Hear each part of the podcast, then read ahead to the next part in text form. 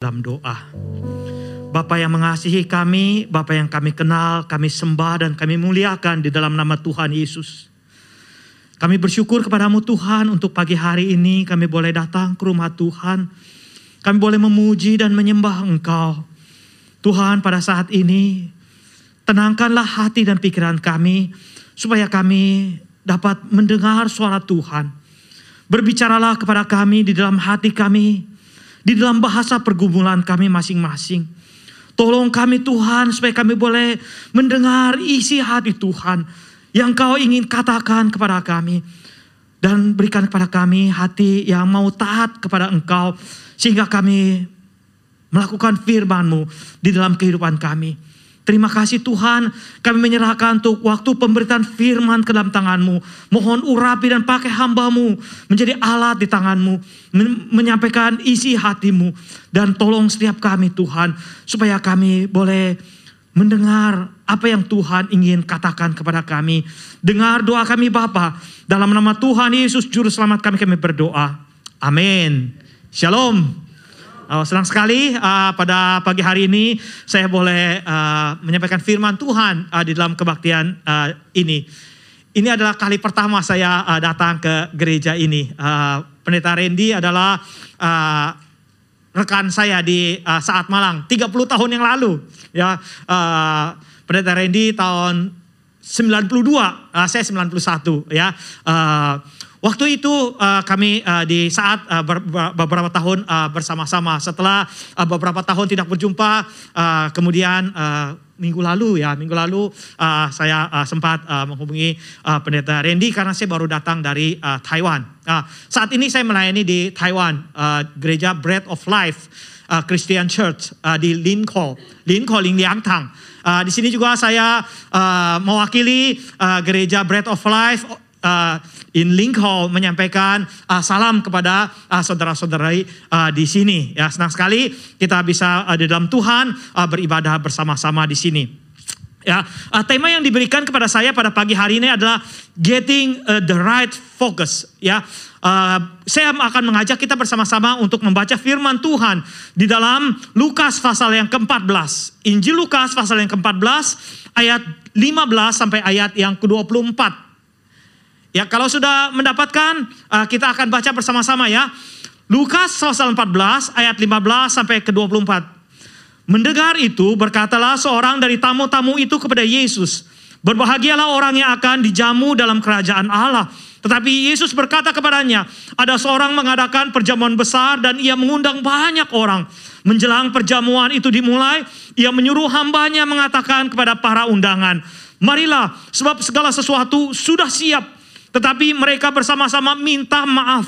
Yang pertama berkata kepadanya, aku telah membeli ladang dan aku harus pergi melihatnya. Aku minta dimaafkan. Yang lain berkata, aku telah membeli lima pasang lembu kebiri dan aku harus mencobanya. Aku minta dimaafkan. Yang lain lagi berkata, aku baru kawin dan karena itu aku tidak dapat datang. Maka kembalilah hamba itu dan menyampaikan semuanya itu kepada tuannya. Lalu murkalah tuan rumah itu dan berkata kepada hambanya, Pergilah dengan segera ke segala jalan dan lorong kota dan bawalah kemari orang-orang miskin dan orang-orang cacat dan orang-orang buta dan orang-orang lumpuh. Kemudian hamba itu melaporkan, Tuan, apa yang Tuhan perintahkan itu sudah dilaksanakan. Tetapi sekalipun demikian masih ada tempat. Lalu kata Tuhan itu kepadanya, Pergilah ke semua jalan dan lintasan dan paksalah orang-orang yang ada di situ masuk karena rumahku harus penuh. Sebab aku berkata kepadamu, tidak ada seorang pun dari orang-orang yang telah diundang itu akan menikmati jamuanku.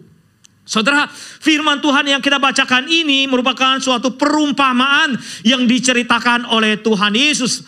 Perumpamaan ini adalah perumpamaan yang ber, sebenarnya sedang menceritakan tentang kerajaan Allah. Ini adalah perumpamaan tentang kerajaan Allah.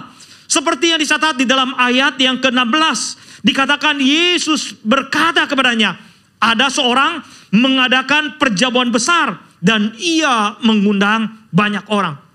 Mengapa Tuhan Yesus sampai menceritakan perumpamaan ini? Sebenarnya perumpamaan ini diceritakan oleh Tuhan Yesus untuk menjawab pertanyaan daripada seorang yang telah mendengar perkataan yang telah diucapkan oleh Tuhan Yesus. Seperti yang dikatakan di dalam ayat yang ke-15.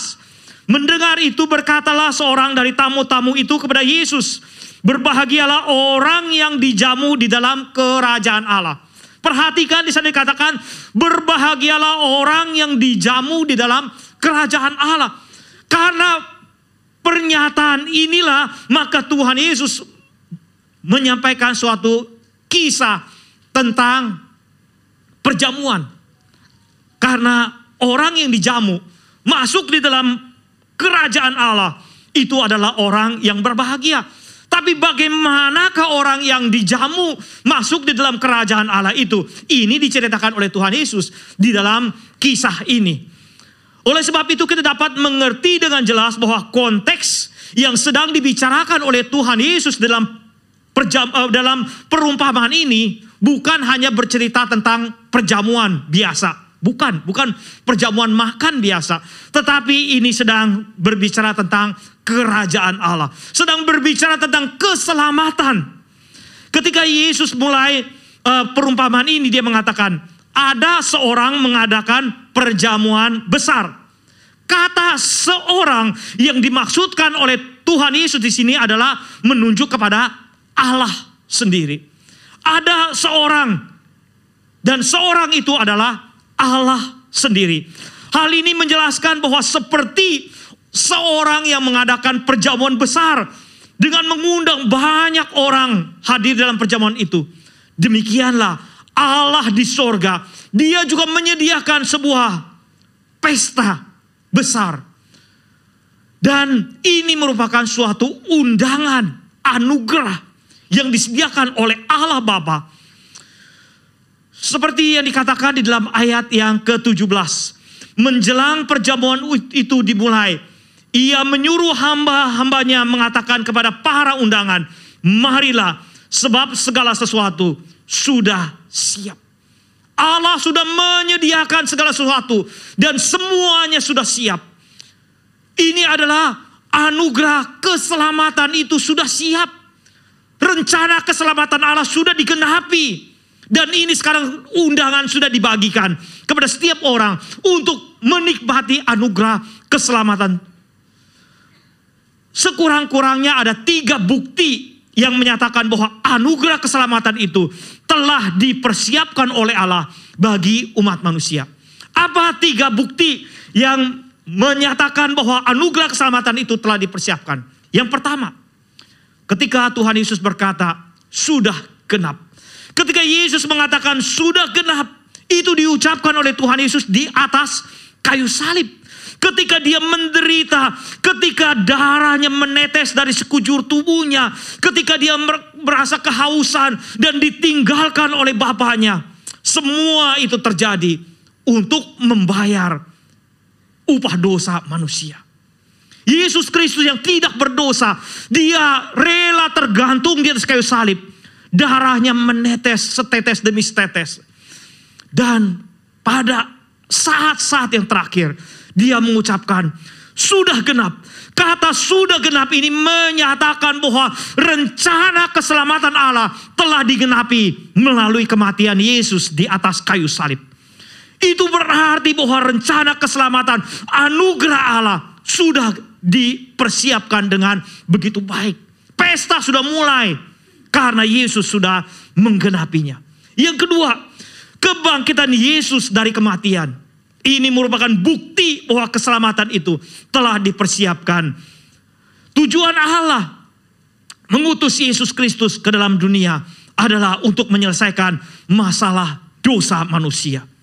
Dan dengan kematian Yesus Kristus di atas kayu salib, maka upah dosa telah dibayar lunas. Karya penebusan Kristus di atas kayu salib telah sempurna. Jikalau keselamatan yang dikerjakan oleh Tuhan Yesus tidak sempurna, maka Yesus mati dan dia tidak akan bangkit. Karena karya keselamatan Yesus sudah sempurna, maka walaupun dia mati, pada hari yang ketiga dia bangkit dari antara orang mati. Kebangkitan Yesus Kristus itu merupakan bukti bahwa anugerah keselamatan yang dipersiapkan oleh Allah sudah uh, sempurna. Yang ketiga, kenaikan Yesus ke sorga. Tujuan Allah mengutus Yesus ke dalam dunia ini adalah untuk menyelesaikan masalah dosa seperti yang saya katakan tadi.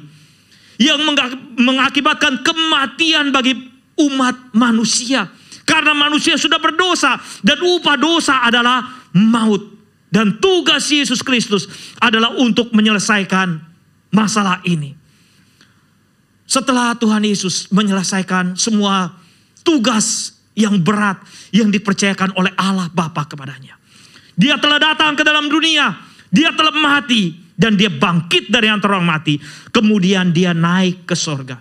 Kenaikan Tuhan Yesus ke sorga membuktikan bahwa apa yang telah dikerjakan oleh Yesus di dunia ini diterima oleh Allah Bapa. Allah Bapa berkenan akan pengorbanan Yesus, kematian dan kebangkitannya. Lalu dia terangkat naik ke sorga. Saudara, ketika Tuhan Yesus menyelesaikan karya keselamatannya, maka segala sesuatu sudah siap. Seperti yang dikatakan dalam perumpamaan ini. Semuanya sudah siap. Sebab segala sesuatu sudah siap. Apa yang disiapkan? Apa yang sudah siap? Yaitu upah dosa telah dibayar lunas Pengampunan dosa telah tersedia. Pemulihan hubungan antara orang berdosa dengan Allah yang suci telah terbangun. Orang percaya dapat menjadi anak-anak Allah. Dan setiap orang yang percaya dapat memperoleh hidup yang kekal.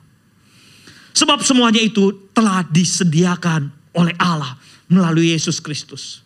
Baik pengampunan dosa, anugerah keselamatan, hidup yang kekal, dan hidup yang berkelimpahan.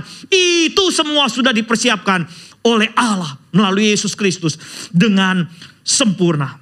Sebab semuanya itu telah disediakan. Maka dalam perumpamaan tentang kerajaan Allah ini Yesus mengatakan, mereka yang menolak undangan kerajaan Allah itu berarti mereka juga menolak anugerah keselamatan.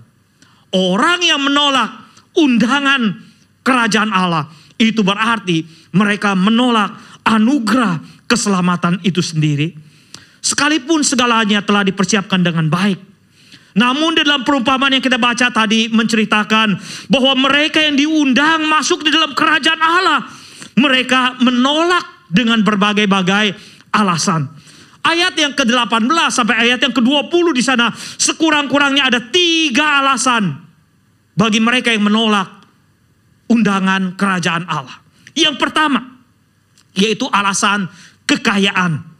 Di dalam ayat yang ke-18 di sana dikatakan tetapi mereka bersama-sama minta maaf. Yang pertama berkata kepadanya, "Aku telah membeli ladang dan aku harus pergi melihatnya. Aku minta dimaafkan." Saudara, membeli ladang, membeli sebidang tanah, ini adalah investasi. Sejak dulu sampai sekarang, orang berinvestasi, membeli tanah, membangun gedung, uh, dan sebagainya. Orang demi harta kekayaan, sibuk untuk menginvestasikan hartanya di mana-mana. Sampai-sampai mereka mengabaikan undangan kerajaan Allah. Yang kedua adalah alasan pekerjaan dan hobi. Ayat yang ke-19 berkata, dan yang lain berkata, aku telah membeli lima pasang lembu kebiri dan aku harus pergi mencobanya. Maka aku minta dimaafkan. Pada zaman itu, pada saat itu, lembu adalah binatang yang digunakan untuk melakukan produksi. Ya, itu uh, para petani membajak sawah, uh, ladang itu dengan lembu. Ya, uh, selain lembu itu sebagai uh, sarana yang bisa digunakan untuk membajak, lembu juga bisa digunakan untuk menarik gerobak, ya, menarik uh, kendaraan, bisa bisa ditunggangi. Jadi kalau kita membayangkan saat ini, lembu itu seperti apa? lembu itu seperti mesin produksi, ya mesin produksi karena dia uh, bekerja di sawah, bekerja di ladang, dia menggunakan tenaganya untuk memproduksi. Itu adalah mesin produksi. Selain sebagai mesin produksi, maka lembu juga dapat berarti dia sebagai alat transportasi, sebagai alat transportasi. Sekarang itu seperti kendaraan, mobil. Nah, kalau lembu ini berarti mesin produksi, itu artinya ini adalah masalah pekerjaan. Tetapi kalau ini adalah kendaraan, ini mungkin adalah hobi. Ya, hobi orang, wah punya mobil bagus, mobil mewah, kemudian begitu uh, sayangnya kepada mobilnya, merawatnya baik-baik. Wah, baik itu mobil atau motor yang uh, sangat disayangi. Saudara, banyak orang demi pekerjaannya, banyak orang demi hobinya, akhirnya melalaikan undangan kerajaan Allah. Bahkan hari ibadah pun dilupakan. Karena apa? Karena hobi. Melakukan keinginan, melakukan hobi. Dan mengabaikan ibadah kepada Tuhan. Demi pekerjaan, akhirnya mengabaikan undangan kerajaan Allah. Ini terjadi sejak dulu sampai sekarang. Yang ketiga adalah alasan keluarga. Dan yang lain berkata, aku baru kawin dan karena itu aku tidak dapat datang. Saudara sejak zaman dahulu hingga saat ini keluarga masih menjadi penghalang bagi banyak orang untuk memenuhi undangan keselamatan. Sebab mereka disibukkan dengan berbagai-bagai hal. Mulai dari pacaran, sibuk pacaran. Kemudian ketika menikah dengan orang yang tidak percaya, meninggalkan Tuhan. Ketika mempunyai anak, sibuk mengurus rumah tangga, sibuk mengurus anak, tidak ada waktu untuk beribadah kepada Tuhan. Saudara, banyak orang menggunakan alasan-alasan seperti itu untuk melalaikan undangan kerajaan Allah. Sekalipun memiliki harta kekayaan, memiliki pekerjaan, memiliki hobi, dan memiliki keluarga, semuanya itu adalah baik. Saya tidak mengatakan bahwa kekayaan, pekerjaan, hobi, dan keluarga itu tidak baik. Saya tidak mengatakan demikian. Itu semua baik. Namun ternyata semua yang baik itu dapat menjadi penghalang bagi mereka untuk memenuhi undangan kerajaan Allah. Mengapa demikian? Hal yang baik itu bisa menghalangi seseorang untuk memenuhi undangan kerajaan Allah. Perhatikan baik-baik. Sebabnya adalah karena mereka memiliki fokus yang salah di dalam kehidupan mereka. Sesuai dengan tema yang akan kita renungkan pada hari ini. Kita harus memiliki fokus yang benar. Kalau fokusnya salah, maka yang terjadi adalah seperti mereka yang telah menolak undangan kerajaan Allah itu. Sebab mereka melihat harta, hobi, pekerjaan, dan keluarga lebih berharga daripada undangan kerajaan Allah itu sendiri. Mereka memandang rendah undangan kerajaan Allah. Mereka menganggap undangan kerajaan Allah itu tidak penting. Undangan keselamatan anugerah itu tidak penting. Lebih penting hartaku. Lebih penting keluargaku. Lebih penting hobi dan pekerjaanku. Saudara, pada hari ini kita datang ke rumah Tuhan. Kita menghadap meja perjuangan kudus. Perjamuan kudus merupakan undangan Tuhan Yesus bagi setiap orang untuk datang kepadanya. Ketika kita datang ke rumah Tuhan hari ini, kita diperharapkan dengan meja perjamuan kudus ini. Ini merupakan undangan juru selamat. Bagaimana kita meresponi undangan Yesus Kristus? Apakah kita datang dengan hati yang rindu untuk memenuhi undangan juru selamat datang kepadanya? Atau kita mengabaikan undangan juru selamat. Karena berbagai-bagai alasan, semua alasan mungkin baik.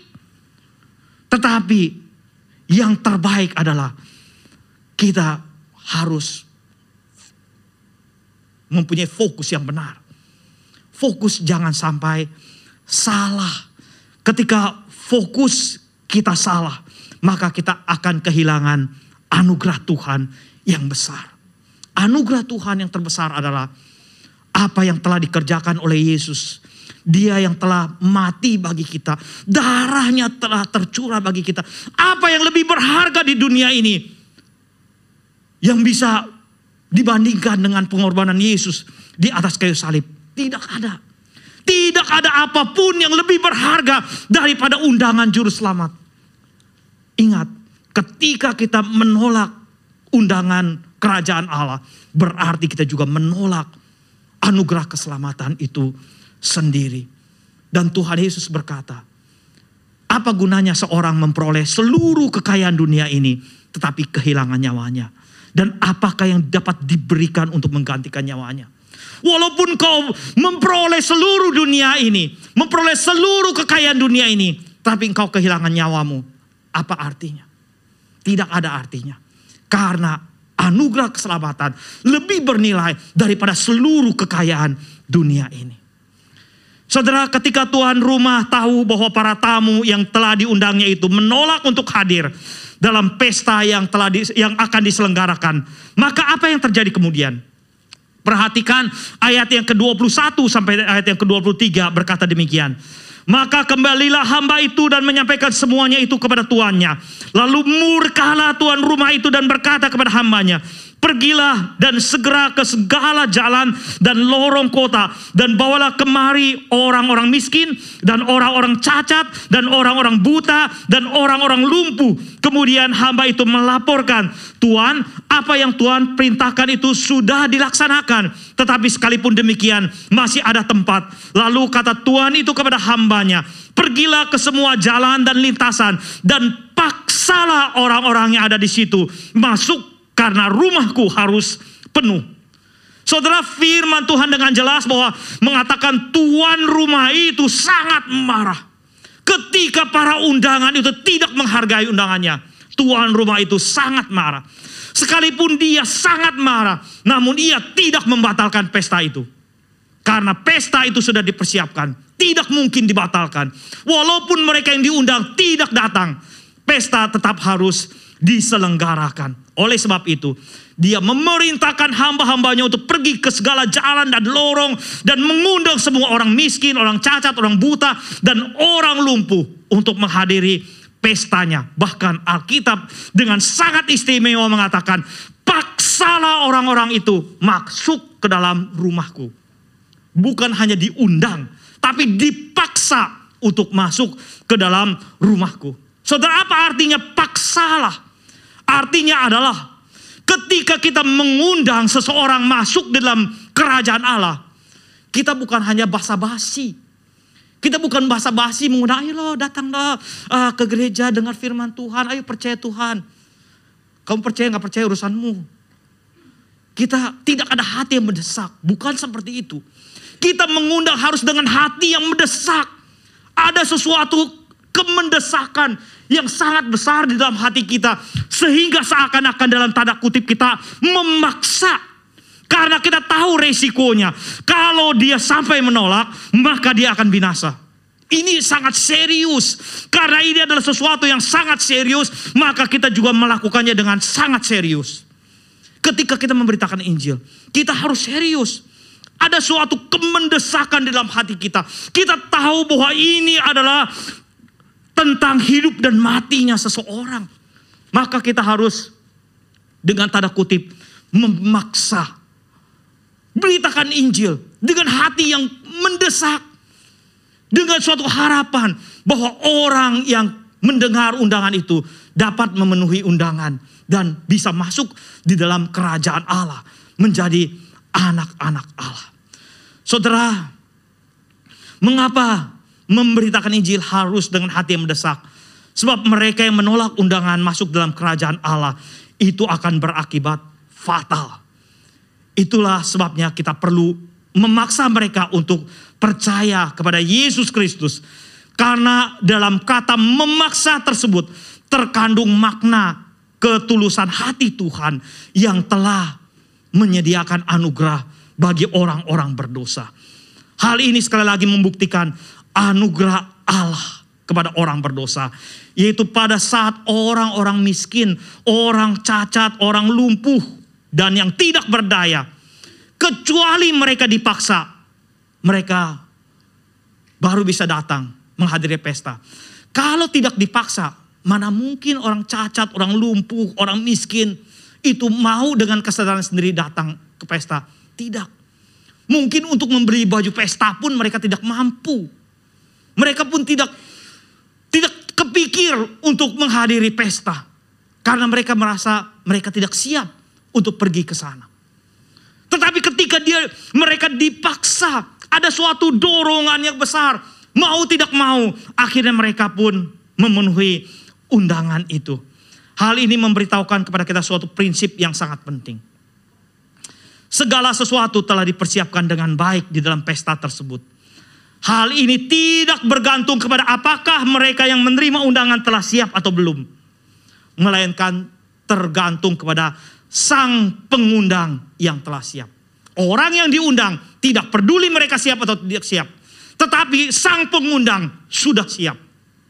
Ini bukan bergantung kepada orang yang diundang. Tetapi bergantung kepada sang pengundang yang telah siap. Dengan kata lain, tidak peduli apakah engkau telah siap menerima anugerah keselamatan atau tidak. Apakah engkau menyadari dosamu atau tidak. Tidak peduli apakah seberapa banyak dosa yang telah engkau perbuat. Namun sadarilah satu hal. Bahwa anugerah keselamatan itu telah sempurna. Anugerah keselamatan itu telah dipersiapkan bagi kamu. Bagaimana keadaanmu pada saat ini. Itu tidak peduli Saudara-saudari yang dikasih oleh Tuhan Yesus. Yesus Kristus telah mati bagi kita di atas kayu salib. Darahnya telah tercurah untuk menebus dosa-dosa kita. Kalau kita mau membuka hati dan percaya kepada Yesus, maka ia akan menyelamatkan engkau dan saya. Saya akan menutup khotbah saya dengan sebuah cerita. Dahulu kala ada seorang kaya yang memiliki empat orang istri. Dia sangat mencintai istrinya yang keempat. Apa pun yang diinginkan oleh istrinya yang keempat ini, dia memberikan. Dia memberikan yang terbaik untuk istrinya yang keempat karena dia sangat mencintai. Dia memberikan pakaian yang mewah-mewah, perhiasan-perhiasan yang mewah. Dia memberikan makanan-makanan yang sangat mahal, yang sangat bergizi kepada istrinya yang keempat karena dia sayang kepadanya. Dia juga sayang kepada istrinya yang ketiga dan dia bukan hanya sayang tetapi dia bangga dengan istrinya yang ketiga. Bahkan ke mana saja dia pergi, dia selalu membawa istrinya yang ketiga. Dan dengan bangga dia memperkenalkan kepada teman-temannya istrinya yang ketiga. Karena dia bangga dengan istrinya yang uh, ketiga. Dia juga sayang kepada istrinya yang kedua. Karena istri yang kedua adalah seorang yang sangat bijaksana di, uh, setiap kali pengusaha kaya ini menghadapi masalah, baik masalah di kantor, masalah di rumah atau masalah uh, dengan uh, sesama dengan orang lain, dia selalu mencari istrinya yang kedua. Karena istri yang kedua adalah orang yang sangat bijaksana, seorang yang sangat uh, berhikmat, dan setiap masalah selalu terpikir olehnya jalan keluar. Maka setiap kali ada masalah, dia mencari istri kedua dan berdiskusi. Lalu istri yang kedua selalu memberikan nasihat-nasihat yang sangat baik. Memberikan jalan keluar yang terbaik kepadanya. Tetapi pengusaha ini, dia mengabaikan istrinya yang pertama. Padahal istrinya yang pertama adalah seorang yang sangat setia. Dia adalah seorang yang sangat setia. Tetapi pengusaha ini tidak peduli apakah istrinya yang pertama itu makan atau tidak makan, dia tidak mau tahu. Apakah istrinya yang pertama ini sakit atau sehat, dia pun tidak mau tahu. Dia tidak tak mau tahu tentang keadaan istrinya yang pertama itu. Bahkan hak-haknya pun tidak dipenuhi oleh uh, pengusaha ini. Sangat kurang sekali perhatian yang diberikan kepadanya. Bahkan ia tidak peduli dengan istrinya yang pertama ini. Walaupun sebenarnya istrinya yang pertama inilah yang paling mencintai dia. Istri yang pertama inilah yang merawat dia, yang telah mendampingi dia dari muda sampai tua. Pada suatu hari, pengusaha ini sakit keras. Dan ketika dokter mendiagnosa, menemukan dia menderita penyakit yang kronis. suatu penyakit yang akan menghilangkan nyawanya. Sebentar lagi dia akan mati, meninggal dunia. Maka pengusaha ini sangat ketakutan. Karena dia mempunyai harta yang banyak, dia mempunyai istri banyak. Dia tidak mau kehilangan semua itu. Dia takut. Di dalam ketakutannya, dia memanggil istri-istrinya. Pertama, dia memanggil istrinya yang keempat. Dia berkata kepada istrinya, "Istriku, dokter mengatakan bahwa penyakit saya tidak bisa disembuhkan lagi. Saya sangat takut. Saya tidak mau kehilangan semua yang aku miliki. Oleh sebab itu, saya bertanya kepada kamu, kalau saya mati, maukah kamu ikut dengan aku dikubur, mati bersama dengan aku?" Wah istrinya keempat dengar gitu ketakutan. Dia berkata, kamu mati-mati sendiri aja. Oh saya tidak mau ikut dengan kamu. Oh, kemudian dia cepat-cepat pergi ketakutan. Kemudian dia panggil istrinya yang ketiga. Dia berkata, istriku, engkaulah istri yang paling aku banggakan. Aku bangga dengan kamu. Karena engkau sangat cantik, engkau sangat baik. Oh, tetapi ada masalahku. Dokter mengatakan bahwa penyakitku tidak bisa disembuhkan lagi. Sebentar lagi aku akan meninggal dunia. Kalau saya mati, maukah kamu pergi bersama dengan aku? Dikubur sama aku sama-sama. Istrinya yang ketiga bilang apa? Apakah hidup di dunia ini tidak nikmat? Kalau kamu mati, pergi aja sendiri. Kalau kamu mati, saya akan menikah dengan orang lain. Karena banyak orang juga yang mencintai aku. Kemudian istri yang ketiga pun pergi. Hati pengusaha ini sangat hancur. Dia sedih sekali mendengarkan jawaban istrinya yang keempat dan istri yang ketiga. Tetapi dia masih punya harapan istrinya yang kedua. Yang sangat mengasihi dia. Yang sangat bijaksana. Dia berpikir bahwa istri yang kedua pasti ada jalan keluar untuk menolong dia. Kemudian dipanggil istri yang kedua dan menceritakan hal yang sama. Ketika istri yang kedua mendengar dengan sangat teliti. Ketika pengusaha ini berkata, maukah engkau pergi bersama dengan aku. Istri yang kedua dengan sangat bijaksana, dengan sangat lembut, dia berkata, suamiku, aku mau menolong kamu. Tetapi kali ini saya mungkin tidak bisa pergi bersama dengan kamu. Tetapi aku berjanji, kalau engkau mati kelak, aku akan mengurus semua pemakamanmu. Kalau engkau pergi kelak, aku berjanji, aku yang akan mengurus semua pemakamanmu. Aku tidak bisa mengantar kamu lebih jauh lagi. Paling aku bisa mengantar kamu sampai ke kubur. Mendengar perkataan yang begitu lembut, yang begitu bijaksana. Hati pengusaha ini seperti kena halilintar di tengah hari bolong. Hatinya sangat hancur, sangat sedih. Tidak ada lagi harapan. Di tengah ketidak ada lagi harapan dia mendengar suatu suara yang berkata kepadanya, Aku mau pergi bersama dengan engkau. Ke mana pun kau pergi, aku akan menyertai engkau. Kemudian dia cepat-cepat menengok ke pintu. Dan dari sana muncul istrinya yang pertama. Dia melihat istri yang pertama sudah begitu kurus. Seperti orang yang tidak bergizi, yang kurang makan.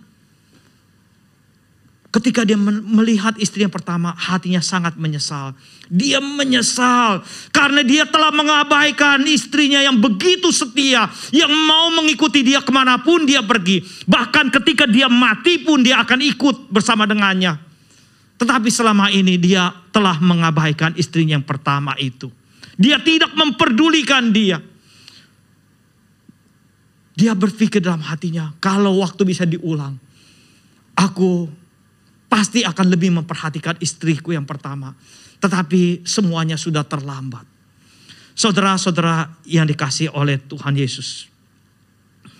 Sebenarnya setiap kita masing-masing mempunyai empat orang istri. Bukan hanya pengusaha itu yang mempunyai empat orang istri.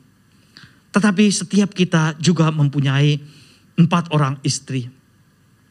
Istri kita yang pertama, eh, istri kita yang keempat adalah tubuh kita. Tubuh kita ini adalah istri kita yang keempat. Bagi tubuh kita, kita merawatnya dengan begitu baik. Kita memberikan pakaian kepadanya, memberikan perhiasan kepadanya, memberikan makanan yang bergizi kepadanya supaya dia sehat, bukan?